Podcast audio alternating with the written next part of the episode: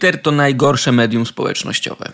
Najbardziej spłycające debatę polityczną, najmocniej zachęcające do prowadzenia nagonki w miejsce dyskusji i przy tym doskonale wspierające tworzenie się fanklubów, w których to użytkownicy przerzucają się nie tym, kto mądrzej odpowiedział, ale tym, kto dosadniej.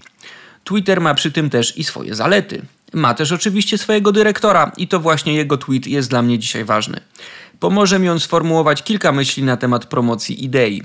Oczywiście idei libertariańskiej. Chodzi rzecz jasna o wpis Jacka Dorseya, w którym to bez zbędnych ceregieli umieścił on link do eseju Anatomy of State autorstwa nikogo innego, a rzecz jasna Mareja Rothbarda. Oczywiście jest to komentarz do wydarzenia, jakie już powoli odchodzi w niepamięć, ale dla mnie jest ważne. Pozwala mi na wypowiedź na temat tego, jak skutecznie można promować ideę i co powinniśmy robić, albo choćby w którym kierunku zdążać, abyśmy nie czekali, aż zrobi to ktoś za nas. Pozwalam więc tu sobie na przekroczenie długości życia twitterowego wpisu. Krótkość takiego żywota tych wpisów jest zresztą jeszcze jedną wadą, które promuje to medium. Jack Dorsey zwrócił uwagę nie tylko libertarian, z oczywistych względów śledzących wzmianki na temat poglądów, jakie są im bliskie, ale też innych ludzi obserwujących jego profil. Zaraz później informacja o tym, co on poleca poczytać, rozeszła się jako viral. Ludzie dowiedzieli się, że był ktoś taki jak Rothbard i że jest coś takiego jak libertarianizm. W krótkim czasie wpis Dorseya został podany dalej ponad 7,5 tysiąca razy, polubiony ponad 17 tysięcy razy, a słowo Rothbard znalazło się na fali wznoszącej, czyli po prostu w popularnych trendach. O twicie Dorseya pisały mniej i bardziej profesjonalne serwisy newsowe. No i to się właśnie nazywa porządne polecenie poczytania Rothbarda. Dla nas, tych, którzy już go czytali i których on do czegoś przekonał, y, to wydarzenie znaczy sporo. Nawet pomimo tego, że jest to jeden z milionów wpisów na popularnej platformie. Po pierwsze, jak na dłoni widać, że rozgłos naszych idei, za ich rozgłos odpowiadają nie tylko one same i ich słuszność, ale też, może nawet przede wszystkim, to, gdzie na drabinie społecznej znajdują się ci, którzy chcą je zareklamować. I tutaj drobna uwaga. Jack Dorsey nie jest libertarianinem. Prawdopodobnie nim nie jest. Oczywiście w jakiś sposób przysłużył się cyrkulacji naszej idei w społeczeństwie, ale to jeszcze nie znaczy, że jego wsparcie nie było czymś na kształt gościnnego występu. Nie wiem, czy polecił lekturę Rothbarda, dlatego że uznał jego poglądy lub jakąś ich część za słuszną, e, czy też dlatego, że go one przelotnie zainteresowały i podał je dalej jako ciekawostkę. A może zwyczajnie chciał zażartować albo sprawdzić, co się stanie, kiedy umieści w internecie taki wpis. To wszystko jest możliwe. Co wiemy na pewno to to, że inaczej ludzie reagują na prezentację lubianego przez nas myśliciela ekonomisty, kiedy robi to ktoś o ugruntowanej pozycji zawodowej, a inaczej, kiedy robi to ktoś, delikatnie mówiąc, na początku zawodowej drogi lub na jej zakręcie. I to jest zupełnie normalne.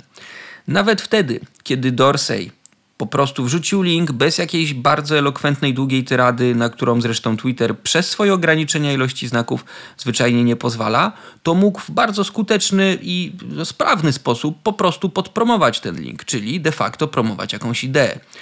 Powinno nas to wobec tego prowadzić do jakiejś, moim zdaniem, oczywistej konstatacji. I oto ona. Możemy sprzedawać nasze pomysły na różne sposoby, ale zbyt wiele razy robiliśmy to niemalże niczym telemarketerzy. Ten sposób sprzedaży kojarzy mi się z próbą przepchnięcia produktu, zamknięcia furtek w możliwie krótkim okresie czasu i wyłoczonymi odpowiedziami. Nie twierdzę, że dosłownie wszyscy libertarianie właśnie w ten sposób postępują i nie mówię tego jako ktoś wolny od takiej skazy, bo i ja, szczególnie będąc dużo młodszym niż dziś głosicielem libertariańskich poglądów, dołożyłem swoje. Widzę jednak w jaki sposób wygląda typowa libertariańska rozmowa z nielibertarianinem jak próba sprzedania, a nie jak szansa na to, że ktoś kupi. A to jak dla mnie dwie różne rzeczy. Nie libertarianin, ale za to szef bardzo dużej firmy, właściwie sprzedał za nas, ponieważ na drabinie społecznej jest gdzie jest. Nie chodziło o to, że zna on 1001 argumentów za akapem albo standardem złota. Chodziło o to, że zna sposób na to, aby wspinać się wysoko. Ludzie, których interesuje jego Twitter, śledzą go nie dlatego, że poleca ciekawe PDFy do poczytania, a dlatego, że to samo śledzenie odbywa się akurat na jego platformie. To samo w sobie jest już widomym znakiem powodzenia, jakie Jack Dorsey osiągnął w życiu zawodowym. Mógł on zalinkować do dowolnego innego eseju, książki albo nawet i cytatu, i efekt byłby podobny. I wcale nie chodzi o to, że teraz każdy libertarianin musi być milionerem, bo to oczywiście niemożliwe. No chyba, że akurat przydarzy nam się tragedia hiperinflacji, ale przecież nie to mam na myśli. Chodzi o to, że musimy być wiarygodni i naszą wiarygodnością nieść na barkach pomysły i idee, jakie nam przyświecają, jakie uważamy za dobre i mądre i jakie jednocześnie znajdują się poza oknem Overtona, czyli po prostu dla większości ludzi są te idee niewiarygodne. I czymś takim właśnie jest libertarianizm.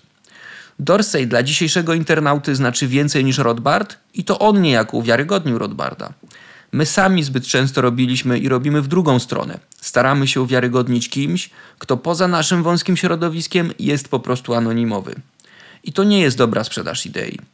Anonimowy głosiciel libertarianizmu, mówiąc o nieznanym ekonomiście, będzie mniej skuteczny niż libertarianin z czegoś już znany. Taki, który swoimi osiągnięciami pokazał coś światu. Najprostszy trening sprzedaży dla nas, libertarian, wyglądałby więc następująco: więcej pracy własnej i osiągania zamierzonych celów. Dobry libertarianin to nie tylko ktoś, kto zna się na libertarianizmie, ale również ktoś, kto pokazał własnym przykładem, że życie w możliwie jak najdalej idącej niezależności od państwa jest możliwe i może być udane. Dobra praca, oszczędności, ułożone życie osobiste, bycie ważną częścią lokalnej wspólnoty są tak samo ważne jak to, co trzymamy w biblioteczce. I żeby ktoś chciał z nami porozmawiać o interesujących nas ideach, czyli o tej biblioteczce właśnie, najpierw musimy mu pokazać, że warto nam poświęcić kilka chwil, bo jesteśmy kimś, kto ma coś do powiedzenia i na swoim polu jakieś sukcesy. To może być biznes, to może być nauka, trzeci sektor albo coś jeszcze innego także działalności niekoniecznie kojarzące się z czymś, co przynosi pieniądze, sławę lub prestiż. Wtedy do niczego nie musimy już nikogo przekonywać i nic już nikomu nie musimy sprzedawać. Nie wypychamy produktu, jakim jest libertarianizm. Libertarianizm sprzedaje się wtedy sam i sam wpycha się na półki hipermarketu idei. Jack Dorsey nam pomógł, ale żeby zrównoważyć przekaz tego podcastu, pamiętajmy też i o tym, że tweety żyją krótko. Ten odcinek podcastu zresztą to doskonale udowadnia, bo w momencie, kiedy go nagrywam, jest już on reanimacją sprawy sprzed około tygodnia, a więc w skali Twittera już przedpotopowej. Instytucje na szczęście żyją dłużej. Zainteresowani wpisem Dorseya powinni teraz trafiać tam, skąd dowiedzą się więcej o libertarianizmie. I to też jest nasza rola inwestowanie w te wszystkie instytucje, które zajmą się zainteresowanymi, spróbują z nich zrobić przekonanych i jeszcze na dodatek sprawią, że ci przekonani będą umieli połączyć swoje poglądy z promowaniem ich w ten sposób, o jakim mówię. Nie chodzi o wypychanie libertarianizmu. Chodzi o to, aby ludzie sami chcieli o nim słuchać. No, a nie będą chcieli, jeśli libertarianie jako osoby nie będą sobą szczególnie wiele prezentować.